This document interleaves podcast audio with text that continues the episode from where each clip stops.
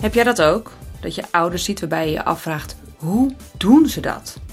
Sommigen die combineren hun baan op topniveau met een gezin, sport en vaak ook nog een opleiding of vrijwilligerswerk.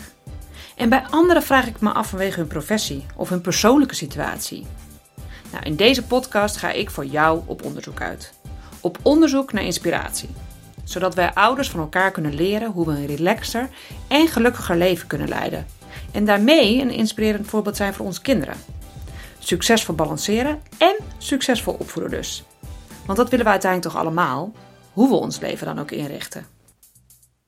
De kandidaat van mijn 19e aflevering van de Hoe doen zij dat dan podcast is bij kinderen reuze populair. Zij presenteerde maar liefst 14 jaar lang het tv-programma Klokhuis en was tot 2015 vast onderdeel van het Sinterklaasjournaal. Maar niet alleen voor kinderen heeft ze prachtige inzichten, ook voor jou. Zij deed in 2012 mee aan de nationale IQ-test. Die won ze niet alleen, maar ze ontdekte tot haar eigen grote verbazing dat ze hoogbegaafd is. En dat inzicht betekende heel veel voor haar.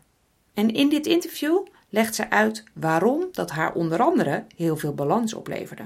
Nou, ik weet niet hoe hoog jouw IQ is, maar ik weet wel dat dit interview ook jou handvatten geeft om meer balans te ervaren.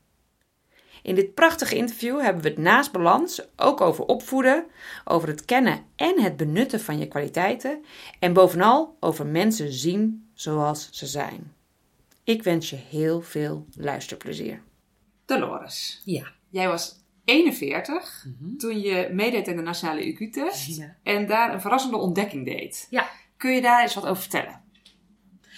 Ja, een, ehm, een vriend van mij eh, is producer en eh, die zei van, nou, vind je niet leuk om een keer mee te doen? En ik riep, ja, leuk. En toen vertelde ik het tegen mijn collega's en die zeiden, oh, dat jij dat durft. Toen dacht ik, oh shit, waar heb ik nou weer ja tegen gezegd? dus ik ben wel even gaan kijken wat het inhield. En in eerste instantie dacht ik, oeh, dat is wel heel spannend. En later dacht ik, ja, ik heb een HBO-diploma, dus ik zit in ieder geval rond het gemiddelde. Ik, kan niet heel hard onderuit gaan, dus ik denk, doe gewoon mee. En ehm, Annemarie van Gaal deed mee. En ik weet dat Annemarie van Gaal bij Mensa zit. Dus ik dacht, nou, die gaat winnen. Dan hoef ik me daar alvast niet meer druk over te maken. Dus ik was super relaxed. En ehm nou, toen ging die vragen maken. En op een gegeven moment kwamen de antwoorden. En toen ging ik mijn antwoorden checken. Ik denk, hm, drie fout? Nee. Dat, nou, hoeveel heeft Annemarie er dan wel niet? Die, heeft dan misschien maar één. Ik was continu aan het vergelijken met haar. En toen gingen ze het af, aftellen van acht naar, naar de eerste plaats. En toen zat ik op een gegeven moment de laatste vier. Toen dacht ik, hm? En toen zeiden ze met het hoogste IQ ooit gemeten, 159, heeft gewonnen de Loris Lewin. Toen dacht ik, hè? Die had ik echt niet aanzien komen. Dat, dat had ik nooit verwacht, want de middelbare school was echt verschrikkelijk. Ik heb heel veel moeite moeten doen om de middelbare school door te komen. Zelfs in het laatste jaar zei mijn conrector, luister Dol, ik vind je een heel leuke griet, maar ik heb liever dat je wel op een gegeven moment van school gaat. Dus zo ga ik niet redden. Dus ik ben een jaar teruggegaan om eh, bedrijfseconomie en economie uit mijn pakket te gooien, anders was ik nooit geslaagd. Dus ik had niet het idee dat ik nou bovengemiddeld intelligent ben. Dus toen ik daarachter kwam, toen, in eerste instantie viel er van alles op zijn plek. En dan, dat bedoel ik mee, ik begreep ineens waarom ik altijd die odd one out was. Altijd de andere kant op zat te kijken. Honderdduizend vragen stelde. En ik, ik voelde op de middelbare school zo dom. Ik snapte gewoon niet wat er van me gevraagd. Ik snapte niet wat ze van me wilden. Toen ben ik uit gaan zoeken wat, wat hoogbegaafdheid dan betekent. En toen viel alles op zijn plek. Toen dacht ik, oh ja, ja. Ik zit ook continu de andere kant op te kijken. Want als je me één vraag stelt, dan zie ik 45 mogelijkheden. Terwijl de, het grootste gedeelte van de, van, de, van, de, van de mensheid ziet er één of twee. Maar ik zie er 45, dus ik snapte niet waarom iedereen zeg maar, die kant op zit te kijken. Terwijl ik denk, ja, maar dat kan ook. Dus ik was altijd degene die tegen draad was en heel veel vragen stelde, want ik wilde weten waarom. En, ehm, en heel snel schakelde, dat mensen heel snel door had. En mijn moeder zei altijd, je moet zo snel een oordeel hebben. Hij was er al, dat wist ik toen nog niet. Maar achteraf viel alles op zijn plek. Dus het was voor mij echt een openbaring. Hoe, hoe, hè, hoe kan niemand dat ooit gezien hebben dan? En dat vond ik ook wel heftig. Want het werd toch altijd gevoelsmatig weggezet als doe nou eens normaal. Doe nou zoals de rest, dan snappen we je tenminste. Ja, dus op welke manier heeft het je leven veranderd dat je erachter was gekomen? Um, ik ben meer naar mijn eigen kracht gaan kijken. Want blijkbaar, ik, ik heb het zelf nooit gezien. Ander heeft het misschien wel gezien, maar niet geïnterpreteerd als positief. Dus als, het, als je ineens gezien wordt, van oh, dat is wat je kan en dat is wat je doet en daar ben je heel goed en dat doe je ineens mee. Ineens begreep ik wat ik aan het doen was. En toen kon ik ook gerichter aan het werk. Ik kreeg ook ineens hele andere klussen aangeboden.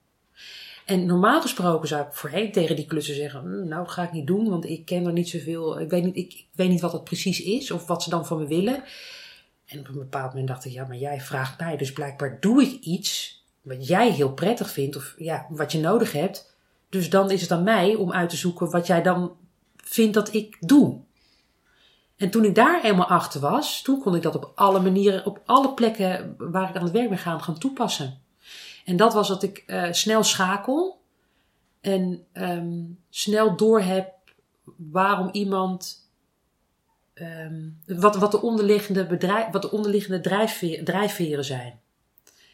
En toen ik dat door had, toen kon ik mijn werk veel gerichter gaan doen. Dus het heeft mij duidelijkheid gebracht. En wat betekent dat voor jou, duidelijkheid over jezelf? Dat betekent dat ik. Uh, ja, ik vond het eigenlijk heftig in de zin dat ik erachter kwam dat ik toch een hele tijd had geprobeerd om me aan te passen aan mijn omgeving. Om erbij te horen. Uh, omdat ik geen spiegel had. Ik was bijna altijd degene die iets anders deed. En als je, ik had mensen om me heen die anders waren. En ik dacht van nou, dan zal dat het wel zijn. Uh, en ik probeerde me aan te passen aan hun, want dan hoorde ik erbij. En dan snapte iedereen het weer en ik ook. Maar toen ik erachter kwam dat ik dus echt anders ben, dat gaf me toestemming om ook echt mezelf te zijn. Want dit is het dus blijkbaar. Ik doe niks, ik ben niet tegendraads. Ik doe gewoon mezelf. En het feit dat ik niet ben zoals de rest, wil niet zeggen dat er iets mis is met mij. Ik ben wie ik ben. Mm -hmm. Ik ben, het is, het is bewezen, ik ben wie ik ben. En dat was, dat, dat, die zag ik echt niet aankomen. Die dus, zag ik echt niet aankomen. Dus ik kan me indenken dat het behoorlijk life-changing is geweest, ja. uh, dat moment. Ja, en dan ook niet direct. Niet in de, het is niet dat de volgende dag dan ineens helemaal anders is. Maar het heeft wel iets aangezet waardoor ik anders naar mezelf ging kijken. Um, en waardoor ik dus blijkbaar ook iets anders naar buiten uitstraalde. En dus ook ander werk kreeg. Dus, dus ik kreeg hele andere klussen ineens. Ineens werd ik wel serieus genomen. Ineens was, ik weet het niet, wel een legitiem antwoord. Ze van, je weet het niet, daar moet je toch over nadenken. Ja, maar weet het niet. Die moet, dan moet, die moet ik echt even laten zakken. Ja, en ik ben benieuwd hoe jij het dan ook er tegenaan kijkt tegen het leren kennen van jezelf. Hè? Voor jou was dat de, mm -hmm. kennis over de hoogbegaafdheid, mm -hmm. maar ik zie dat in de brede zin als persoonlijke ontwikkeling, hè? Mm -hmm. waar wij ja, ja, ja. ons heel erg volop focussen in balans vinden, maar ook in opvoeden. Weet je, dat mensen zichzelf leren kennen. Ook in een succesvolle relatie. Hè? Want ik begreep zelfs dat jij, je bent gescheiden en je schreef als je niet weet wie je zelf bent, dan werken relaties met anderen ook niet. Nee. Dus hoe zie jij de rol van zelfinzicht daarin? Ik denk dat uh, zelfinzicht de basis is van alles. Als je jezelf niet doorhebt, weet je dus ook niet wat je communiceert. En dan ga je dus ook nooit doorkrijgen waar de ander op reageert. Want de ander reageert op wat jij doet. Mm -hmm. En als jij niet weet wat je uitstraalt, uh, weet je ook niet wat je terug... Je krijgt iets terug en je weet niet eens wat je ermee moet. Of je denkt, waarom doe jij zo raar? Maar jij doet iets waar de ander op reageert. Dus je moet jezelf doorhebben. Dat is in je opvoeding ook zo. Als je jezelf niet doorhebt, uh, of niet weet wie je bent, dan, dan ga je, je de dingen, de positieve dingen, maar ook de negatieve dingen van jezelf, leg je op je kind. En dat geef je ook aan je kind mee. Ik vind dat, nu ik daarachter ben, vind ik dat, vind ik best, ik vind dat best heftig. Toen, ik, ik deed wat ik dacht dat goed was. En dat doet volgens mij iedereen. Maar toen ik op een bepaald moment doorkreeg dat ik eigenlijk een stuk van mezelf had ontkend, omdat ik het gewoon niet. Ik zag het gewoon niet. Mm -hmm. Ik zag het niet. Er was geen spiegel. Er was niemand die tegen me zei: hey Dol, waarom doe je dat niet anders? Of hey Dol, uh, daar ben jij wel heel goed in. Zullen we daar eens. Ik, ik had geen idee. Iemand moet jou ook zien, hè? Ja. Want de dingen die je. Ik, ik merk dat de dingen die ik normaal vind, dus dat doe je toch gewoon zo die kunnen voor een ander heel verrassend zijn. Maar als niemand tegen gezegd: hé, hey, dat doe jij bijzonder, of wat ben je daar goed in? Dan denk ik: ja, dat doet toch iedereen? Als niemand dat tegen jou zegt, blijf in de veronderstelling dat dat, ja, dat doet toch iedereen? Terwijl het kan nou net jouw, jouw kracht zijn in, in alles wat je doet. Dus als je mensen snel doorhebt of mensen snel op een bepaald, op, tot bepaalde inzichten kunt laten komen, dat is een kracht. Ik vind het de normaalste zaak van de wereld. Maar een buitenstaander niet. Die willen me zelfs daar, bij wijze van spreken daarvoor betalen om dat te doen. Maar dat ga ik niet doen als ik niet weet dat dat een kracht van mij is. Dan denk ik, wat, wat, hoezo? Dat, dat doet toch iedereen? Dus je moet van jezelf weten wie je bent. En dat kun je alleen in relatie met een ander. Om daarachter te komen bedoel je? Ja. ja. En wat zou je daar dan ouders in adviseren om te doen? Of in dit geval ouders, hè? want dat zijn werkende ouders en onze luisteraars. Ja. Maar in, in zijn algemeenheid natuurlijk de mensheid. Nou, ik, ik denk dat um, wat, wat, wat bij mij werkt, is blijven praten. Um, en als ik merk dat iets me irriteert of dat iets binnenkomt op een bepaalde manier, dat iets bij me triggert, dus als ik boos word of, of dat ik ergens verdrietig van word, um, dan is dat mijn ding. Dus ik kan, stel dat mijn zoon iets tegen me zegt waar ik boos van word, hij hoeft er helemaal niks mee te bedoelen. Hij zit me soms ook aan te kijken, hm man, waarom reageer je zo? En dan weet ik dus dat het aan mij ligt. De ander zendt iets uit, hoe ik erop reageer is van mij. Dus als ik merk dat het bij mij iets oproept, ga ik eerst bij mezelf na, waarom roept dit bij, me, dit, dit bij mij op? Waarom reageer ik zo? Waarom ben ik zo verdrietig of zo boos? Want als ik vanuit dat, die boosheid of verdriet op mijn kind ga reageren, dan denkt hij, wat ben je aan het doen? Wat, dan, dan heb ik een situatie gecreëerd waarvan we allebei niet weten hoe die nou ook alweer ontstaan is. Dus wat ik met mijn zoon doe is echt proberen te horen wat hij zegt. En te vragen, wat bedoel je daarmee? En ook aan hem terug te geven als hij iets doet wat ik echt niet leuk vind. Nou, ik, word hier echt verdrietig van. Dat vind, vind, ik echt niet leuk wat je nou doet.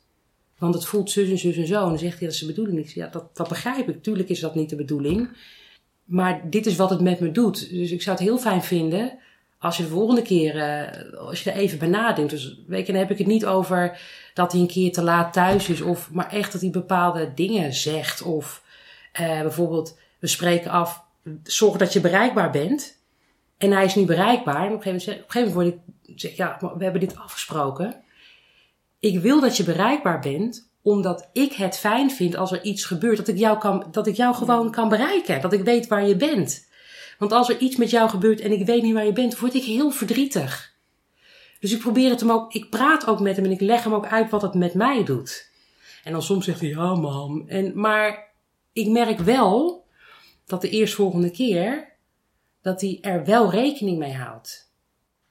Nou, en, en, ik wil nog even terug naar wat je, waar, hoe je ermee begon. Want daar zeg je iets heel moois, wat denk ik echt voor veel ouders een les is. Om te kijken van, oké, okay, als iets, mijn kind of een situatie op het werk, mij triggert. Mhm. Mm -hmm. eh, als ik daar een emotie op heb, Mm -hmm. dat je dan eerst naar binnen gaat kijken. Ja.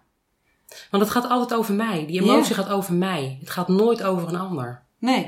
Want ik kan bijvoorbeeld iets tegen jou zeggen wat jij ontzettend grappig vindt. En ik kan hetzelfde tegen een ander zeggen. En die vindt het zo stom en zo kwetsend. Dat zegt dus niks over wat ik zeg. Dat zegt iets over jou. Nou ja, ik leer mijn kinderen dat ook heel erg. Hè? Dus als zij op een bepaalde manier reageren op iets wat ik zeg. En dan Mhm. zeggen ze van, nou, vind ik, dat doe jij. En dan zeg Mhm. ik, nee, weet je, dat doe je zelf. Ja. Weet je? Wat raakt het in jou dat Ja. het deze reactie opwekt? Ja. Maar ik heb dat niet mijn hele leven lang gehad. Weet je, ik had uh, nou, misschien ook wel gewild dat ik wat eerder die, dat zelfinzicht had. Ik denk dat heel veel mensen vaak inderdaad naar de buitenwereld kijken. Van dit wordt mij gezegd of jij doet dit. Mhm. In plaats van naar zichzelf naar binnen te gaan op dat soort momenten. En daar zit een proces tot groei. Daar zit zeker een proces tot groei. Want als je dat doet, pak je je macht weer terug. Ja. Als je het, als je het altijd maar laat afhangen van wat een, ja, maar die zei dit, of dat kwam daar en daardoor, of mijn baas. Dat kan, het kan zijn dat je baas een ontzettende zak van een vent is. Maar dan bepaal jij nog steeds wat je ermee doet. Want die baas gaat niet veranderen voor jou. Je kan hooguit tegen hem zeggen, luister, ik vind dat en dat, ik, vind het heel lastig. En, doet, en als hij er niks mee doet, dan is het aan jou te zeggen, nou, dan gaan we dit dus niet meer doen. Of ik ga langzamerhand iets anders zoeken, want ik kan hier niet mee leven. Of je besluit dat je blijft zitten om alle redenen die je kunt bedenken. Dat is ook prima, hè? Maar realiseer je dat jij bepaalt wat er gebeurt. De situatie is gegeven. Jij bepaalt wat je ermee doet. Altijd. Mhm. Altijd. Daarmee pak je je macht terug en sta je steviger in je schoenen, is mijn ervaring. En bepaal jij dus wat er gebeurt en niet een ander. Wat ik al zei, is dat wij dus die trainingen geven uh, Mhm. aan, eh, om juist mensen dat zelfinzicht te geven. 95% van alles wat we doen is onbewust gedrag. Mhm. Dus inderdaad, we hebben ook iets nodig om ons erop te wijzen op wat we doen. Mhm. Maar zouden we daar eigenlijk niet veel eerder mee moeten beginnen, Ja. denk ik? Hè? Want wij doen dat voor werkende ouders. Maar ik las op jouw site, zag, las ik, volgens mij hebben de kinderen van deze tijd fundamenteel iets anders nodig. Ja. Meer nodig dan wat ze nu aangeboden krijgen. Mhm. Andere input, andere benadering. Wat ze nu aangeboden krijgen, voldoet niet meer. Ik ben benieuwd wat je daar exact mee bedoelt. Ik vind het frappant dat er in deze tijd zoveel kinderen ADHD, ADD, dyslexie, eh, autisme, HB, allemaal dingen hebben die veel te maken hebben met aandacht en gevoeligheid en prikkelgevoeligheid. Ehm, en ik vraag me af waaraan dat gerelateerd is. is dat gerela- het is gerelateerd aan de systemen waar we nu in leven, hoe we nu leven. Dat is ook het enige waar we het aan kunnen relateren. Dan denk ik, als er nou één of twee zijn, dan, dan is dat een aandoening of iets waar je last van zou kunnen hebben. Maar als het er zoveel zijn, met allemaal iets in het, in het prikkelgevoeligheids, de prikkelgevoeligheidsomgeving, dan denk ik, klopt het systeem dan nog wel? Want we kunnen overal stempeltjes op blijven plakken en de rugzakjes op gooien en vervolgens in onmogelijkheden gaan denken, want dat is wat er gebeurt. Want als je ADD, ADD of ADHD, nou dan heb je een probleem. Je kan ook denken, oké, je hebt dat en dat en dat, hoe gaan we dat met jou samen fixen? Dat is één. Maar we kunnen ook naar het systeem gaan kijken. Want als, ehm, als ik merk dat mijn zoon bijvoorbeeld totaal niet geprikkeld is, of, of totaal niet getriggerd wordt om iets te doen, dat kan aan hem liggen. Maar als ik iemand anders voor die klas neerzet, die neemt hem zo mee. Dan denk ik, misschien moeten we ook eens gaan kijken naar het systeem zoals het nu is, van alleen maar zenden. Of ehm, ehm, dat we die kinderen op een andere manier gaan triggeren. Wat ik bijvoorbeeld vind, de middelbare school, als je eh, het VWO doet, dat is allemaal is veel theorie. Terwijl als je dan bijvoorbeeld, eh, zoals ze zeggen, een, een lager IQ hebt, of, of eh, ik, wil er eigenlijk geen namen geven, want ik vind dat er zit een waardeoordeel in en ik weet even niet zo goed hoe ik het anders moet eh, verwoorden. Maar als je bijvoorbeeld op een MBO zit, op een MAVO of, of praktijkgericht onderwijs, het is, dat is nooit gericht op VWO-leerlingen. Terwijl ik denk, waarom, wie heeft bedacht dat een VWO-leerling alleen maar achter een bureau wil zitten? Of dat een eh, VWO-leerling alleen maar met theorie bezig is. Ik merk dat als die VWO-leerlingen van Vincent klas naar buiten gaan, dat ze, dat ze gaan nadenken en leuke dingen gaan doen. En misschien dingen op een andere manier bekijken. En de informatie anders binnenkomt. Dus ik denk dat in de strakke, strakke structuren waar we nu in zitten, dat die gewoon niet meer werken. En ik vind ook dat we jongeren moeten vragen wat ze nodig hebben. Want we vertellen ze wat ze nodig hebben. Terwijl als ik met mijn zoon praat over bepaalde dingen, dan zegt hij wel eens, dan denk ik, oh ja, zo kan je het ook bekijken. Dus misschien is het een, een idee om onze jongeren mee te nemen in de beslissingen die betrekking hebben op hun. Want als jij gehoord en gezien wordt, ga je rennen. Als jouw baas of jouw, jouw werkgever tegen je zegt, oh, ik heb gezien dat je daar goed in bent. Wil je me daarbij helpen? Want dan zou ik in eerste instantie denken, huh? In de tweede stand, stand zou ik denken, ja, tof man. Oh, je gaat me er ook nog voor betalen. Oké, top. maar zo werkt het volgens mij. En als je er jong mee begint, dan weet, je, dan weet je van jongs af aan al niet welk cijfer je moet halen, maar waar je vaardigheden liggen. Want als je op school leert waar je goed in bent, ehm, dus eh, als je op school leert je vaardigheden te ontwikkelen, en je gaat dan naar een functieomschrijving kijken. Dan kijk je anders dan wanneer je ziet, oh je moet wiskunde hebben, je moet Engels hebben. Oh daar ben ik niet goed in, daar ben ik, oh laat me zitten. Terwijl als je je vaardigheden ontwikkelt en je gaat dan naar een baan zoeken, dan doe je iets waar je goed in bent. En niet iets wat je op school geleerd hebt omdat het moest. dat, is, dat is voor mij een andere energie. Ja. Want als je, als je nu leert, een, een vak leert, hè, ik noem maar wat, nu een vak leert tegen de tijd dat je van school afkomt, ben je vijf jaar later, dan ziet het vak er heel anders uit. Dan is hetgene wat jij geleerd hebt al bijna niet meer relevant. Tenzij je een praktijkopleiding doet. Want dan leer je, ben je al met de praktijk bezig. Ja, ik heb laatst uh, een uh, futuroloog uh, geïnterviewd. Ja. En daar hebben we het ook voor de podcast. Ja. Christian Kromme is dat. En daar hebben we het ook lang gehad over het onderwijs. En over Ja. de ontwikkeling van het onderwijs. Ja. En dat we eigenlijk, hoe we onze kinderen nu onderwijs krijgen. Mhm. Dat tegen de tijd dat ze van school afkomen, de maatschappij zo veranderd is. Dat ze met al dat cognitieve deel eigenlijk ook helemaal niks meer kunnen. Het is niet meer nodig. Toen ik van school afkwam, wist ik helemaal niet wie ik was. Ik had mijn papiertje. En ik wist, ik, ik- ja, en, en, maar waar ben ik dan goed in? En, en ik, ik, had me, ik had mezelf niet. Nee. En ik vond dat best heftig. Dan heb je al die tijd, je loopt, je zit in de puberteit op de middelbare school. Er gebeurt van alles. Ik zou zeggen, haak erop in. Want ze zeggen altijd, jongeren die willen niks. Het is echt niet waar. Jongeren willen echt wel wat, maar je vraagt ze niet. Ja. Je vraagt ze niet wat zij willen. Je vertelt ze wat ze moeten doen. Als iemand de hele dag dat bij jou doet, denk je op een gegeven moment ook... Hé, ik weet niet wat je aan het doen Dit ga ik niet doen, hè? ja. Praat eens met mij, niet tegen mij. Zie mij eens. Ja, het is voor mij ook nog een missie dat persoonlijke ontwikkeling gewoon een vak op school wordt. Ja. Ik ben benieuwd hoe jij daar tegenaan kijkt. Ja? Ja, zeker weten. Je, je, je, als je niet weet wie je bent, kan je honderdduizend vakken leren. Maar je, dan zit, er zit niks van jou in. Je zit iets te doen wat, wat je verteld is, wat moet. Waarom? Als jij iets doet waar je goed in bent. En eh, als je dat mag ontwikkelen. Want ik, ik ben ervan overtuigd dat iedereen talenten heeft. Iedereen heeft zijn talent. En dat, Ja. dat kan zijn eh, rocket scientist. Maar dat is ook de bakker. En het is ook degene die de straten maakt. Iedereen heeft zijn talent. En als iedereen zijn talent mag ontwikkelen. Ja, ik, ik denk dat de wereld daar gewoon een stuk mooier van wordt. In plaats van dat we mensen continu lopen te vertellen: je moet dit en je moet dat doen. En dat staat leuk op je cv. En als je dan een diploma haalt, hou eens op.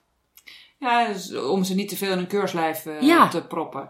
Hey, en dan, als we dan kijken naar de ouders eigenlijk, hè, want we hebben het nu over het, het schoolsysteem, maar Mhm. de ouders die die kinderen opvoeden, Mhm. die ook zeker met alle druk van social media en de maatschappij in mijn ogen redelijk in een keurslijf vaak zitten, Mhm. moeten ook vaak op een bepaalde manier. Mhm. Wat voor rol heeft daar wat jou betreft persoonlijke ontwikkeling ook in wat ze daarin hun kinderen meegeven? Ehm, ja, dat is een hele essentiële. Maar ik denk dat kinderen ook al, pubers ook al vinden hun ouders stom, dat ze toch naar hun ouders zitten te kijken. En als, je, als ik zeg, jij moet dit en dat doen, dus jij mag je droom eh, waarmaken, je mag je hart volgen en vervolgens doe ik wat me wordt opgelegd, dan gaat hij dat niet doen. Volgens mij kijken kinderen naar wat je doet en niet naar wat je zegt. Mhm. Dus als ik ehm, in mijn kracht durf te gaan staan, dan geef ik mijn kind toestemming om het ook te doen. Ja, mijn moeder doet het ook. Maar als ik dat niet doe en vanuit angst leef, is dat wat ik op mijn kind overdraag. Tuurlijk heeft hij ook zijn eigen karakter. Tuurlijk heeft hij ook zijn eigen dingen die hij wil doen. Of ehm, dingen die hij vindt.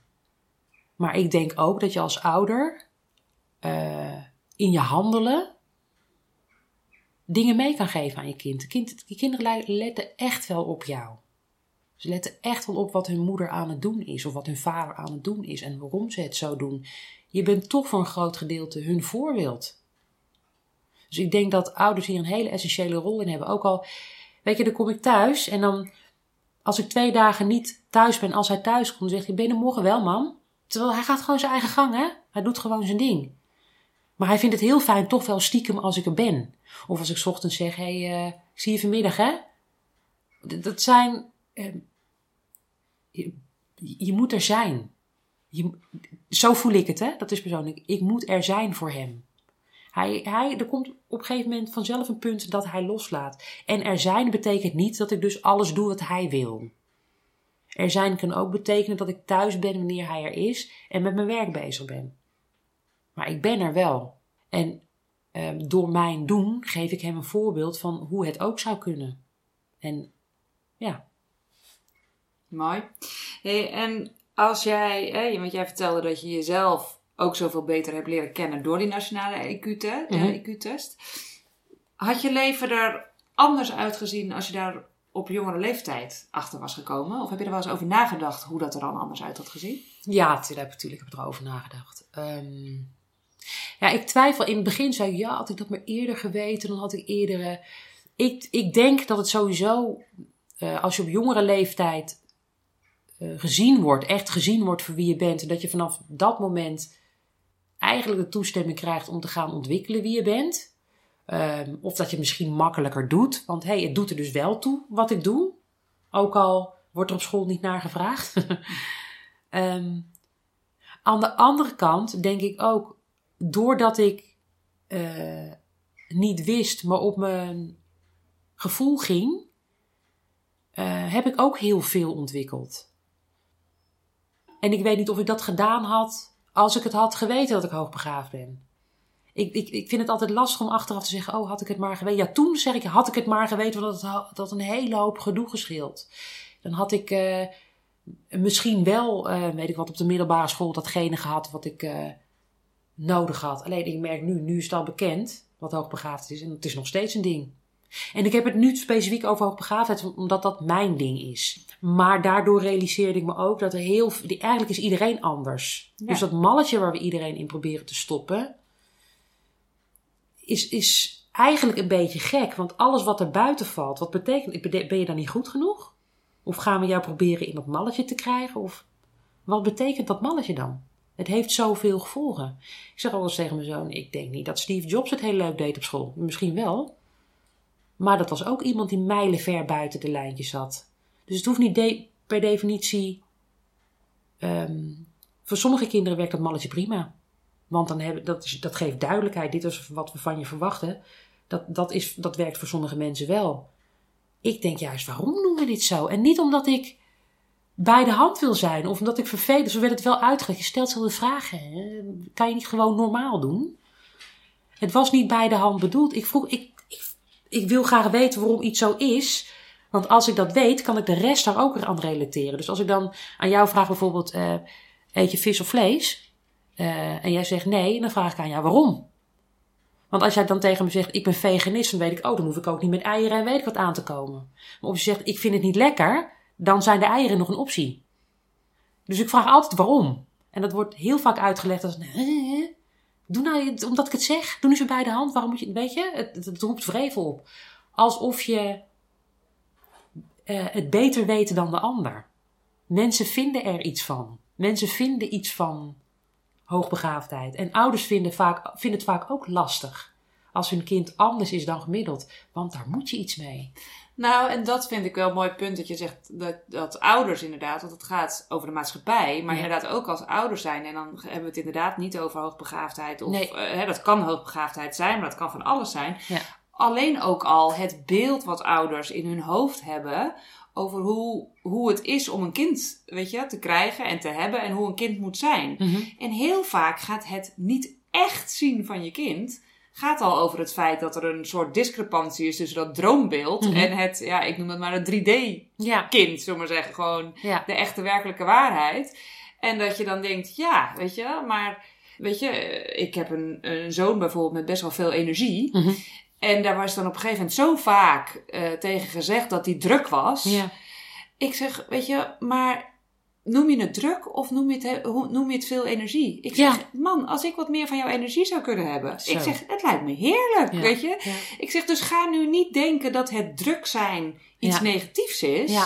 Weet je, hou er alleen soms rekening mee dat het voor sommige mensen too Ja. much kan zijn. En dan kan je je gedrag daarop aanpassen. Of denken, goh, ik ga nog even tien rondjes rennen. Ja. Ik zeg, maar aan zich is het een kracht dat je, Ja. dat je veel energie hebt.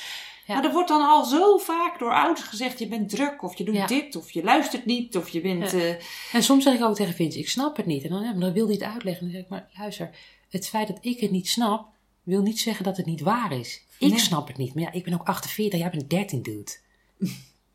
dus misschien wil je het me uitleggen. En als ik het niet snap, dan vinden we iemand anders die het wel snapt.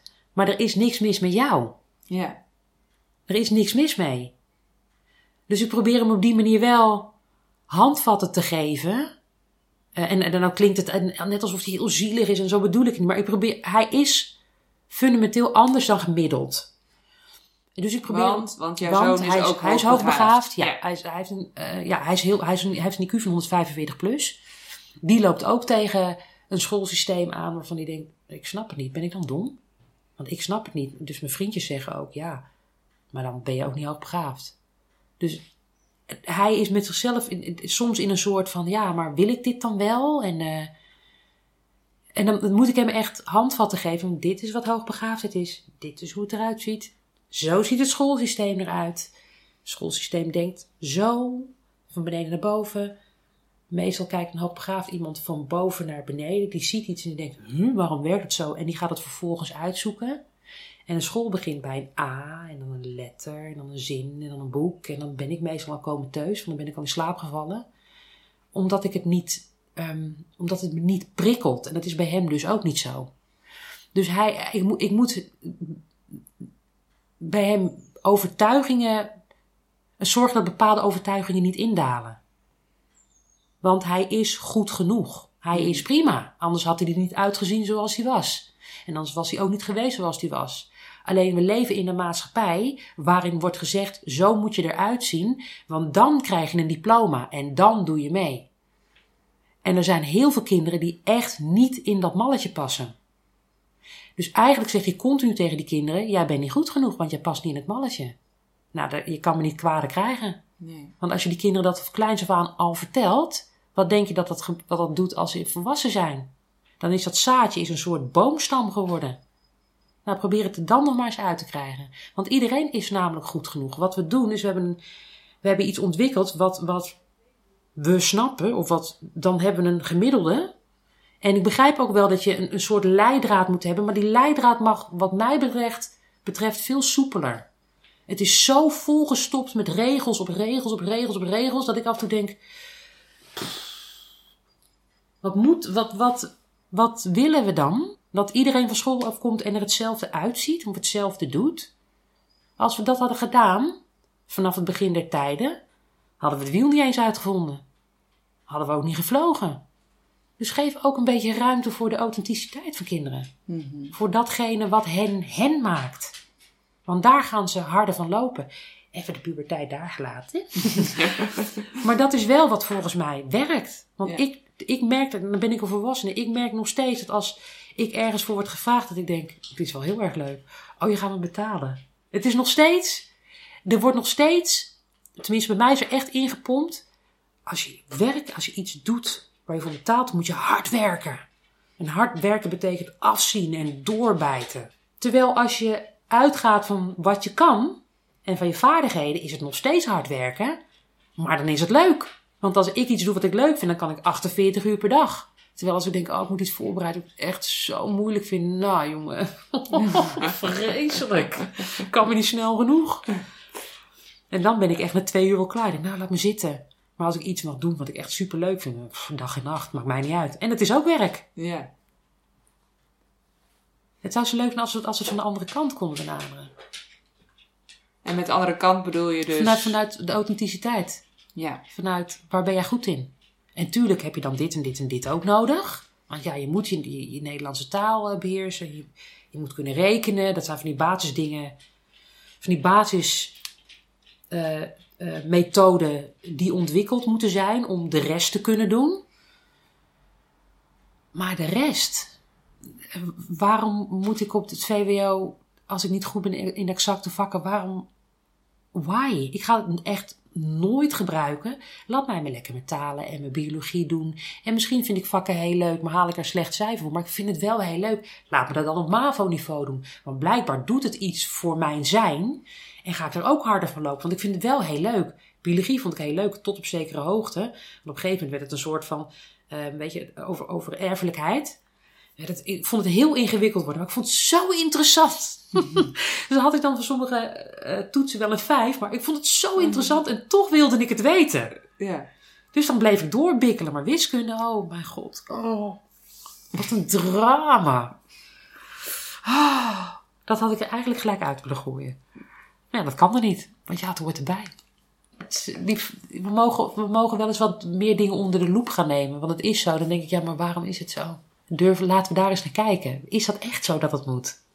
Dat was volgens mij uh, de oprichter van Toyota die dat ook, hè? De, vijf keer waarom. Dus dat je continu maar doorvraagt op het waarom, waarom. En dat die vraag aan jezelf vijf keer blijft stellen. Dus bijvoorbeeld ook van waarom ben je boos? En dan komt erop een antwoord. Ja, maar Ja. waarom heb je dat dan? Ja. En dat je dan na vijf keer, of zoveel als je er nodig hebt, Ja. maar je altijd net iets verder moet prikkelen om dan dus echt bij de kern te komen. Ja, volgens mij is het Byron Katie die zegt, is het echt zo? Ja. Nee, natuurlijk niet, maar het kwam me even zo uit. ja Laten we het rust. Hey, jij doet ontzettend veel voor goede doelen. En het valt me sowieso op dat zowel qua je werk, eh, de dingen waar je in ieder geval bekend van bent van tv, maar Mhm. ook voor die goede doelen, veel dingen die je doet, zijn allemaal het kind die daar een rol in speelt. Ja. Ik ben benieuwd wat daarvan de beweegredenen zijn. Of daar een specifieke gedachtegang achter is voor jou. Nou, in eerste instantie niet. Omdat ehm, ik, ik ging daarin, of ik ga daarin echt op mijn gevoel. Ehm, als ik erover na ga denken waarom, waarom ik het zo, als ik het rationeel eh, trek. ehm, de kinderen zijn het begin van alles. Kinderen zijn het begin van alles. Zij, zijn het, zij, gaan, zij groeien op en worden de volwassenen die bedrijven gaan leiden, die de overheid, eh, die in de regering zitten. Zij zijn onze toekomstige leiders. Als wij niet in hen investeren, ehm, dus als wij hen niet serieus gaan nemen en niet helpen hun talenten te ontwikkelen en hen niet zien, krijg je hele zure volwassenen. Die dus gaan bepalen dat er bezuinigd moet worden op verzorgingshuizen. Dat er bezuinigd moet worden op onderwijs. Die, die, als, jij niet, als jij een gelukkig mens bent, ben ik veel.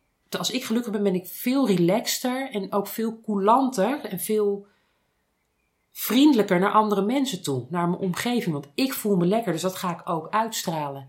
Als ik niet lekker in mijn vel zit of me niet gehoord en gezien voel. Sommige mensen gaan van alles doen om gehoord en gezien te worden. Dus ze gaan powerplay toepassen. Ik kan dit doen, dus dat ga ik ook doen. We gaan het zo doen, want ik vind dat. Want ik ben de minister van, ik noem maar wat, hè. Als je daar gelukkige mensen neerzet die hun hele leven zijn gehoord en gezien en gevraagd is, "Joh, wat vind jij dan, hoe zou jij dat doen? Krijg je hele andere mensen, want die zijn gehoord en gezien en hoeven zich niet meer te bewijzen. Dus misschien is dat een hele utopische gedachte, maar ik zie het in het klein al. Als ik, als ik hoor en zie wat mijn kind zegt of wat een ander zegt en dat valideer, of een ander doet dat bij mij, dan krijg je een hele andere uitkomst dan wanneer je hard tegen hard gaat en zeggen, maar ik wil dat jij dit zo doet omdat ik dit zo bedacht heb. En dan kom je later ook nog in een wereld, heb je van alles geleerd en dan ga je de wereld in en denk je, huh? Maar wat ga ik doen dan? Dit is niet wat ik geleerd heb.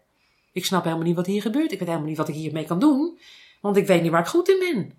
Ik weet ook helemaal, ik heb nooit geleerd om, eh, weet ik wat, eh, bepaalde conflicten te handelen. Wat doe ik dan? Ga ik schreeuwen? Ga ik. Ehm, dus ik denk sowieso dat we bij onze jongeren moeten beginnen en dat we ze heel serieus moeten nemen. Want zij gaan straks voor ons bepalen wat goed is. Alleen, dus als je het uit het, uit het menselijke stuk wil halen, sowieso vind ik dat je, dat je als mens het recht hebt om gehoord en gezien te worden. Want je bent geboren, dus je doet het toe. Punt. Ehm, en als ik het in het, ehm, eh, in, het, in het verstandelijke wil trekken, dan denk ik, het heeft gevolgen voor ons allemaal. Als ik ochtends, als mijn zoon en ik, bij wijze van spreken, ochtends gedoe hebben, gaat hij anders naar buiten dan wanneer ik zeg, hey, eh, wanneer we ochtends hebben gelachen. Dus het heeft, het heeft invloed op hoe hij de dag ingaat. Zo zwart-wit is het. En als hij, hij bijvoorbeeld keer op school gehad, een dame tegen hem in de kantine die zei, ehm, hij wilde een broodje pakken. Toen zei die dame, is niet halal, hè? Toen zei hij, oh, maar ik ben geen moslim, hoor. En toen zei die dame, oh, sorry. En toen zei hij, ja, ik vind het juist fijn dat u dat zegt, maar voor hetzelfde geld was ik wel een moslim geweest. Hij had ook kunnen zeggen, zeg je nou gewoon dat ik een Marokkaan ben? Het is maar net hoe je met een situatie omgaat en hoe je dingen wil bekijken. Dus hij denkt, oh wat aardig van die mevrouw dat ze dat zegt. Een ander had misschien gezegd, ja, je zegt gewoon ik een Marokkaan ben, weet je wel. Het is, maar dat is ook hoe, hoe hij in het leven staat, hoe hij, hoe hij gevalideerd wordt, hoe hij naar dingen kijkt. Die dame, die denkt ook weer, oh wat tof dat hij zo reageert. Nou, en wat Oh, ja. bijzonder dat ze sorry zegt. En, maar dat is dus wat vaak gebeurt, hè? Ja. Want blijkbaar heeft ze heel vaak, want ze zegt ja, het ging ook een, beetje aarzelend. Dus daar is iets gebeerd. Of de- zij heeft een bepaald beeld meegekregen. Van, oh, misschien moet ik niet zeggen dat iemand moslim of maar, want dan denken ze ik zeg, je lijkt op een Marokkaan. Dus, nou, vind ik heel erg. Ik vind, ik vind Marokkaanse jongens over het algemeen goed verzorgde jongens. Ik vind het geen belediging. Maar waarom zou je de, weet je, het, het gaat veel verder dan alleen maar dit ene ding. Ja. Dus zij gaat ook weer anders naar huis. En dus hoe we op elkaar reageren werkt zo ver door in alles wat we doen. Nou, ik vind, ja, ik vind echt dat we, dat, dat we daar met onze jongeren. Zij zijn het begin van alles. Zij zijn echt het begin van alles. Mooi. Het is wat mij betreft ook de, de drijfveer achter allebei eh, de bedrijven die ik heb. Zowel succesvol opvoeden als succesvol balanceren. Ja. Want ook balans gaat over als jij als ouder zijnde meer in balans zit. Ja. eh, en, en dus relaxer en gelukkiger bent. Mhm. Dan is het eigenlijk precies wat je nu vertelt over wat je dan je kind meegeeft. Ja, en ik merk ook dat als ik, als ik ehm, hoe, hoe meer ik mezelf door heb, hoe beter ik mezelf ken, hoe zuiverder mijn reactie naar mijn zoon is. Tuurlijk zijn alle reacties zuiver, want je reageert altijd vanuit je eerlijkheid of vanuit je gevoel. Of... Alleen als ik weet wat mij drijft, ehm, dan kan ik ook niet vanuit gekwetstheid reageren, maar vanuit, nee, maar dat gaan we dus niet doen, hè? Want als ik vanuit gekwetstheid reageer, dan trigger ik een andere reactie bij mijn zoon dan wanneer ik zeg: nee, gaan we niet doen. En dan kan ik ook mijn poot stijf houden. Terwijl als ik denk: ja, maar als ik dit nou doe, want hij is zus en zo, lalala, zielig. Nee, dat is helemaal niet zielig, gast. Ik wil dit gewoon niet, want dit en dit en dit, punt. Ja. Dan, dan krijg ik al een andere reactie van hem dan wanneer ik mogelijkheden openlaat. Want dat, de kinderen zijn er echt master in. Herken je dit? Dat ze, ze voelen, oh, wacht even, daar zit, een, daar zit een gaatje. Daar, kan ik, daar heb ik nog ruimte. Nou ja, en dan hebben veel ouders ook moeite met inderdaad eh, met nee zeggen. Weet Ja, want er wel? zit ergens een denk van, je schuldgevoel. hebt, de kinderen hebben gewoon duidelijkheid nodig, weet Ja. je wel. Dat is dus, weet je, ik, eh, in ons boek eh, omschrijven we het zo dat iemand, hoe zou je je voelen als je midden in de zee werd eh, gedompt en gezegd, nou ga maar lekker een uurtje zwemmen. En eh, we komen je denk ik wel weer ophalen, weet je. Ja. Dus dat betekent eigenlijk, je hebt nul grenzen. Je Ja. gaat gewoon ergens, je ziet geen land, je ziet helemaal niks, je, Mhm. je zwemt daar maar. Ja. Of hoe voel je je als je een uur in een zwembad wordt neergezet Mhm. en eh have fun, ook een uurtje zwemmen. Mhm. Je ziet de kant, je weet dat als je het naar vindt, dan ga je er eventjes uit en je kan plezier maken. Ja. Weet je, de randen van het zwembad weet Zijn- je, ja, zijn dus- de grenzen die je kinderen geeft. Ja. Die ze nodig hebben, waarbij ze, waarbinnen ze Ja. Zich verder hun, hun eigen ding mogen doen. Ja, en als jij, als jij weet wie je bent, kun je ook veel consequenter zijn in je reactie naar je kinderen. Ja. Want als je ergens niet helemaal zeker bent over iets, ga je ruimtes laten waar die voor mij in ieder geval heel makkelijk op inhaakt. ja. En dus soms betrap ik me er ook op en dan zeg ik: luister, we gaan het niet doen gewoon omdat ik het zeg nu. Ja, maar ik zeg: ja, je hebt helemaal gelijk. Je hebt echt helemaal gelijk. En je kan allerlei argumenten aanvoeren waardoor jij gelijk hebt. Dus je hebt ook gelijk, maar we gaan het niet doen. Want dit en dit en dit weegt voor mij zwaarder. Er zijn heel veel dingen waar ik wel in met hem meega, en met. Maar er zijn ook, op een gegeven moment is de discussie gewoon klaar en we gaan het niet doen. Want ik weet ook, als ik hem één vinger geef, dan kan hij ook mijn schouder uit de kom draaien. Dan moet ik soms ook wel om lachen hoor. Ja. Denk, oh, jij bent echt goed, maar we gaan het niet doen. Ja. Leuk. Misschien is dat ook meteen een goede overgang om eens te kijken naar een aantal vriendenboekjes vragen. Ja. Wat het leukste dat ik samen met mijn kind heb gedaan is. Wij zijn samen naar eh, Florida geweest.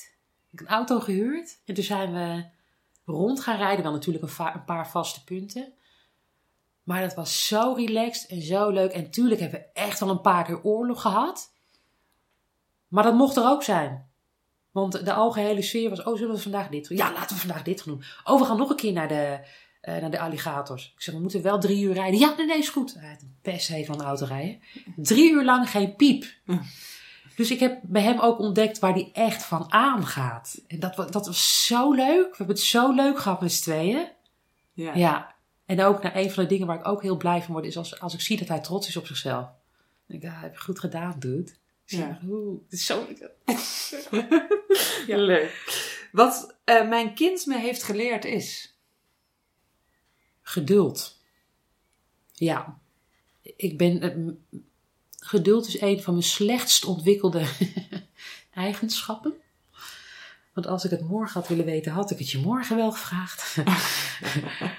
Maar hij, hij heeft zijn ontwikkeling. En ik heb de mijne al gehad. En ik kan het hem allemaal wel voorkouwen.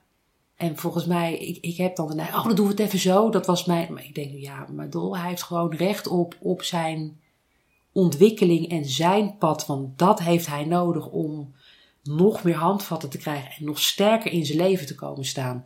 Dus ik mag hem dat niet ontnemen. Dus hou je mond en laat het gewoon gebeuren. Ja, en, ze, en, en lastig is inderdaad dat je dan ziet dat ze soms gewoon een fout maken, maar dat je denkt, nee, dit is nodig. Dit is nodig en Dit ik is hou mijn mond. Want als ik er iets van ga zeggen, dan denk je, "Uh, uh, zeur niet. Ja, Maar als ik niks zeg, dan vertelt hij wel tegen me. ja, En ik heb liever dat hij, want hij gaat, hij wordt ouder, hij zal dus vaker buiten zijn, hij zal vaker dingen doen die ik niet zie. Maar ik wens wel dat hij de vrijheid voelt om het tegen me te vertellen en me niet ziet, oh god, heb je dat zeikwijf ook weer? Ik ga het niet vertellen, want pff, krijgen we dat ook weer. Ja, geduld. Wat mijn kind niet van mij weet is. Weet ik eigenlijk niet. Ik, eh, ik deel eigenlijk best veel met hem en dan niet, ehm, niet, alles niet heel specifiek, maar als hij tegen me zegt: Mam, hoe vond jij het? Nou, vond ik echt stom, want zus en zo. In de middelbare school zeg ik: Vond ik verschrikkelijk. Hoe, heb je, hoe ben je er dan doorheen gekomen? Ik zat daar die uitgang en daar wilde ik heel graag heen. maar ik vertel hem heel veel ook dat ik echt vroeger echt stomme dingen gedaan heb. En dan niet hele specifieke dingen, maar wel. Weet je, ik heb ook mijn fouten gemaakt. Maar die fouten heb ik, het heeft me wel geleerd. eh, oh, dat was niet zo heel handig. Of dat moet ik misschien niet meer doen. Maar ik vertel hem heel veel. Als ik hem iets niet verteld heb, dan is het iets wat ik zelf nog niet weet. Of nog niet van bewust ben. Ja. Ja. Mijn grootste opvoedblunder. Eh, mijn grootste opvoedblunder. Nou, en dat is een beetje in het algemeen, is dat ik eh, te veel over alles een discussie ging voeren. Waardoor hij de ruimte kreeg en ik dan het schuldgevoel zei, ah ja, dan doen we het wel. Ehm, en dat heeft ook weer te maken met eh, niet weten waar ik mezelf op dat moment had of niet weten hoe, hoe, wat ik ermee moest. En, en, en er een emotie zat op dat, wat op dat moment gebeurde. Waardoor mijn reactie niet helemaal. wa- Waardoor mijn reactie gaten laat, zeg maar. Waardoor hij in kon haken. En die voelt hij feilloos. En, ehm, ik merk, maar ik merk ook dat hij daardoor stuurloos wordt. Hoe duidelijker ik word. En soms vindt hij het echt niet leuk. Mag die vinden. dat mag ook namelijk allemaal. Wat je ermee doet is punt twee. Ehm, maar ehm, toegeven om, omdat ik het niet weet waar ik mezelf heb. Dat is, dat is, ja, dat is dan, dat, nou ja, ik weet niet of je het een blunder kunt noemen. Het is meer, het is niet handig. Ik krijg de slappe lach van. Als hij begint te giechelen. hij, kan, hij kan giechelen. Dan zit hij, naar, dan zit hij naar iets te kijken. Of ik zeg iets tegen hem en dan kan hij echt helemaal flauw liggen van het lachen. Daar kom ik niet meer bij. Ja. Het is zo grappig. Dan kijkt hij me aan en begint hij. Hij zegt, je bespoort niet. dat vind ik zo leuk. Het is, het is ongecontroleerd lachen. Dat vind ik heerlijk. ja. En ik, eh, deze is leuk. Ik zou best graag een dagje willen ruilen met.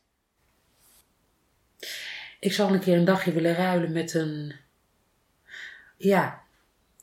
Ik ben, ik ben niet zo onder de indruk van mensen. Ik kan wel denken, wauw, dat kan je echt goed, weet je. Dat, maar niet dat ik... Ik ben ook nooit, zeg maar, die aanbiddende fan geweest. Ik was, ik was ontzettende... Vind, Prins, dat was echt... die man was briljant. Ik zou een keer willen ruilen, een dag willen ruilen met Quincy Jones. Quincy Jones is voor mij een van de grootste muziekproducenten ever. Die heeft gewerkt met Michael Jackson, met, die heeft met iedereen en de hele wereld gewerkt. En hij, ik weet niet hoe die het doet, maar hij krijgt het voor elkaar om muziekstukken te maken. Ik denk, hoe, waar haal je dat, waar- hoe dan? Hoe, hoe kom je daarop? Hoe gaat jouw brein aan? En wat gebeurt er dan in jouw brein dat je dat zo voor elkaar krijgt? Dat zoveel mensen met jou willen werken. En dat je er zo relaxed onder bent. Die man is zo verschrikkelijk goed in wat hij doet. Maar hij is er zo gewoon ondergebleven, omdat hij doet waar hij goed in is. Ja. Heerlijk. Ja, die man is echt fucking brilliant, echt niet normaal. En je zoon of genius eh, werken. Ja, ik ben, wel, ik ben echt benieuwd wat er in zijn hoofd omgaat. Hoe die dat voor elkaar krijgt. Hoe die die muziek, muziekstukken voor, voor elkaar krijgt. Maar bijna de, de hele Amerikaanse muziekindustrie heeft zo'n beetje met hem samengewerkt. Ja. Iedereen loopt met die man weg. Ja, ik vind hem zo goed. Ja, dat zou ik wel een keer willen doen. Gewoon echt om te weten wat er in zijn brein gebeurt. Ja.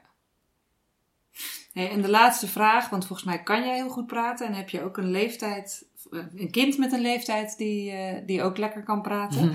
Waar praat je het liefst samen over? Ja, over van alles eigenlijk. nou ja, soms zitten we gewoon. Hij, wil, hij, hij, hij, hij vindt spelletjes leuk. En het interesseert me echt helemaal niks. En voorheen dacht ik ook, nou, weet je wel. Als hij erover begon, dacht ik, nou, laat me zitten. Maar ik, ik merk dat, hij, dat dat zijn manier is om te delen. En bedoel je dan spelletjes, games? eh, Ja, games of, of eh, van die memes op de telefoon. Weet je, als mam en zeg ja, ik snap het niet. Ik vind het ook niet grappig. Volgens mij is het een jongensding. maar ehm, ik, ik vind het fijn om met hem te praten over, gewoon over hem. Wat hij die dag gedaan heeft, wat hem drijft. En dan s'avonds, als, als we dan echt allebei relaxed zijn, dan komen de hele verhalen los. En de ene keer is het meer dan de andere keer. Maar het is, het is nu vooral, hij is niet een hele, in eerste instantie niet iemand die zichzelf heel makkelijk laat zien. Dus bij hem moet ik heel goed luisteren naar wat zeg jij nou eigenlijk? En wat bedoel jij hier nou eigenlijk mee? Dus het is meer ditjes en datjes. En dan op een gegeven moment gaat het wel wat verder. En dan denk ik, oh ja, heb je me nou gehoord of niet? En dan voorheen had ik de neiging om het nog een keer te herhalen, nog een keer te herhalen. En op een gegeven moment zei die mama, hou je mond. ik heb je nou wel gehoord. En ik heb ook wel geleerd om dingen één keer te zeggen. En dan de dag daarna zie ik, oh, je hebt, je hebt me wel gehoord. Maar dan, als ik het dan tegen hem gezegd heb, zegt hij, zullen we wat drinken? Dat is echt, het is niet eens subtiel. dan begint hij over iets anders. Maar hij hoort het wel, dus ik kan wel zeggen, ik vind het heel fijn om met hem diepe gesprekken te voeren. En dit zijn eigenlijk ook onze diepe gesprekken, want hij hij- we horen elkaar. Maar het is ook vooral gewoon op de, weet je, soms gewoon op de bank hangen. Dan hebben we samen gegeten en dan gaan we naar een Netflix-aflevering kijken. Het feit dat hij al gewoon nog in zijn puberteit, misschien wordt het er straks wel anders, nog steeds eh, denkt, ook ga even, een- even één aflevering met mama eh, kijken. Dat hij gewoon de connectie nog zoekt. Ja. vind ik zo waardevol. En waar we het dan over hebben, interesseert me eigenlijk niet. Als we maar communiceren, hoe dan ook. Ja. En dat doet hij nog steeds. En dan denk ik, nou, dan, dan doen we het toch goed. Nee, ik heb nog één vraag over de hoogbegaafdheid. Mhm. Want hoe kunnen ouders eh, vermoeden dat hun kind hoogbegaafd is? En als dat zo is, wat moeten ze dan doen? Want jij gaf aan van jeetje, weet je, er is eigenlijk, en eh, toen ik mij verdiepte in ons interview, verbaasde ik me daar ook over, eigenlijk over, dat er toch zo'n ander beeld is van hoogbegaafdheid en dat het daadwerkelijk is. Dus Mhm. ik dacht, weet je, misschien is dat nog wel mooi om mee af te sluiten, dit interview. Dat voor ouders, die ze misschien ook helemaal geen enkel idee hebben. Nee, en het is soms ook lastig voor ouders te herkennen, omdat ze het zelf vaak ook zijn. Het is, het is erfelijk. Dus eh, ik, toen ik erachter kwam, toen dacht ik, oh, maar dan ben jij het ook. Want we begrijpen elkaar echt heel goed. Dus als je het zelf bent, dan is de kans groot dat je kind het ook is. Is mijn ervaring. Ehm, ik merk bij hoogbegaafde kinderen, het is heel lastig, want sommigen duiken gewoon onder. Die, die, die hebben zo vaak al te horen gekregen, hou nou je mond, hou nou je mond, hou nou je mond. Hoogbegaafde kinderen stellen over het algemeen veel vragen. En ik hou het heel algemeen nu, hè. ze stellen veel vragen. Ze schakelen heel snel, ze hebben heel snel dingen door. Ik, ik merk ook dat, dat Vince snel verveeld raakte. Ik kan me ook herinneren dat ik vroeger had zei, ik heb niks te doen. Ik had nooit wat te doen. Ik vond de vakantie echt veel te lang duren. Voor mijn zoon kunnen ze niet lang genoeg. dus het, is, het, is ook nog, het hangt er ook nog vanaf of het een jongetje of een meisje is. Dus die zitten ook anders qua hersenontwikkeling. Hè. Meisjes gaan toch over het algemeen wat sneller dan jongens. Jongens gaan meestal, die worden heel luid en aanwezig. Als ze zich niet zo nauw voelen. Meisjes gaan zich juist terugtrekken of gaan onderduiken en doen wat je zegt. Want dan horen ze erbij. Dus um, als je het vermoeden hebt dat je kind heel snel schakelt. Of dat je kind veel vragen stelt. Of altijd met andere oplossingen komt. Waar je denkt, ja maar, ja, maar je kan ook dat en dat en dat en dat en dat. Dan zou het wel eens kunnen zijn dat je kind hoogbegaafd is. Alleen, het is niet zo zwart-wit. Als je. En, en vaak kunnen ze ook niet. Ik had ook niet veel vriendjes. Ik had een paar mensen waar ik goed mee kon. En verder. eh, ik zat ook heel veel op mijn kamer boeken te lezen.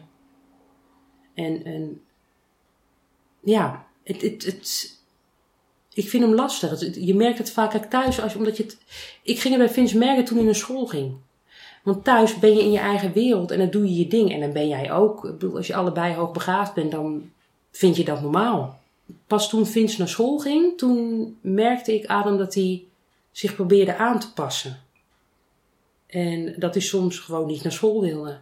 Omdat hij zei, "Ah, ik voel me niet lekker voor dit en dat en zus en zo. En dan, soms hield ik hem ook gewoon een dagje thuis, gewoon schoolziek, omdat hij het echt zo zat was. En dat herkende ik ook, want dat deed ik vroeger ook. Maar toen wist ik niet dat ik hoogbegaafd was.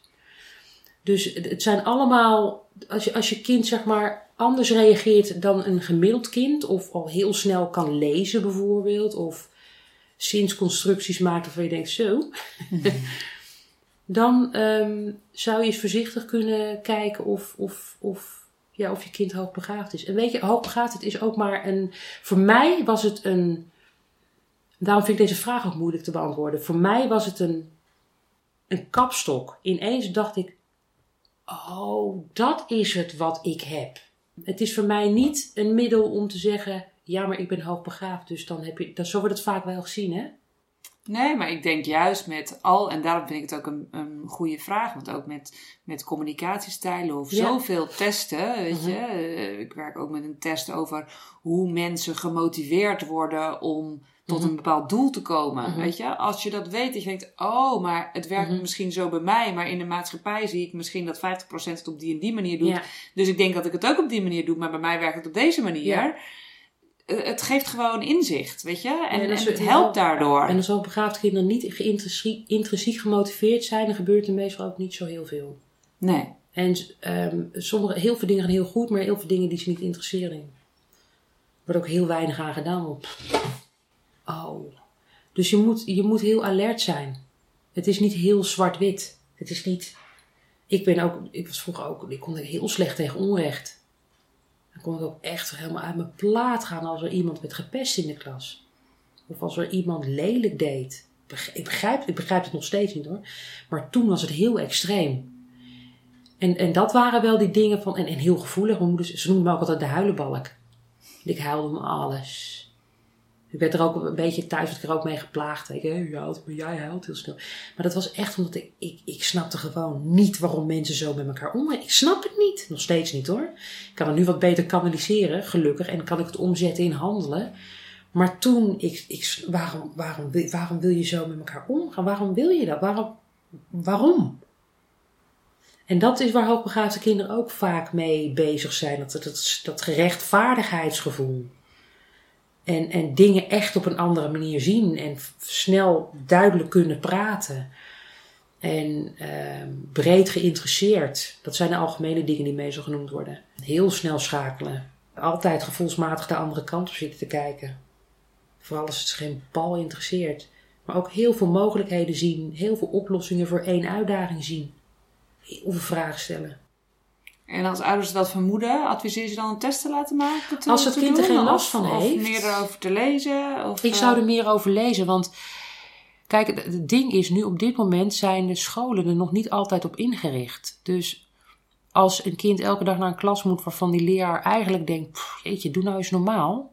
Dan is het voor het kind heel zwaar om elke dag in die klas te gaan. Of je gaat je heel erg aanpassen om erbij te horen. Maar als je dat als ouder weet, zou ik, ik zou me erin verdiepen. Eh, waardoor jij ook handvatten krijgt en ziet wat er met je kind gebeurt. Waardoor je het kind ook handvatten kunt geven. Of in ieder geval naast het kind mee kan lopen. En wat, wat, wat, wat, wat volgens mij ieder kind nodig heeft, is dat je pal achter het kind gaat staan. Wat er ook gebeurt, wat anderen ook zeggen. Want mensen vinden een hele hoop en ze zeggen ook een hele hoop. En er worden heel veel aannames gedaan. Er moet iemand zijn die achter het kind staat en het kind rukzichtloos beschermt. Want als je dat niet doet, als je mee gaat bewegen met de buitenwereld, is die weg. Dan is het kind gewoon weg. Ik heb echt bewust gekozen om achter mijn kind te gaan staan. Want er moet iemand die zijn die ja, die toch beschermt. En als jij er iets van vindt, van jouw kind, dat voelt het kind ook. Ja. Mooi. Is er nog iets wat je kwijt wil of een vraag die ik had moeten stellen, maar niet heb gesteld? Nee? Nee, heb je alles duidelijk? Heb jij nog verduidelijking ergens nodig? Ja, nou, ik kan nog heel lang met je praten. maar dat is gewoon omdat we zo ontzettend op dezelfde lijn zitten, voor Ja. mijn gevoel. We hebben veel dezelfde dingen. Dat ik denk, ja, ik, ik kijk er precies op die manier naar. Ja. Dus daarom zou ik het gewoon nog heel lang met je door kunnen praten. Maar de, de belangrijkste vragen, die heb ik wel gesteld. Ja, Ja, dus dankjewel. Graag gedaan. Heeft dit interview jou geïnspireerd om op een andere manier naar jezelf en naar opvoeden te gaan kijken? Maar weet je niet goed waar je kan beginnen? Dan heb ik een tip voor je. Op www.succesvolopvoeden.nl kun je namelijk twee gratis hoofdstukken downloaden van het boek voor ouders. Wil je liever rigoureuzer aan de slag? Nou, zoals Dolores en ik constateerden, is zelf in balans zijn reuze effectief in succesvol opvoeden. Is er bij jouw werkgever nou ruimte voor persoonlijke ontwikkeling? Kijk dan eens op www.succesvolbalanceren.nl voor meer informatie over de training Leren Balanceren. Ik wens je een heerlijke dag en tot over twee weken.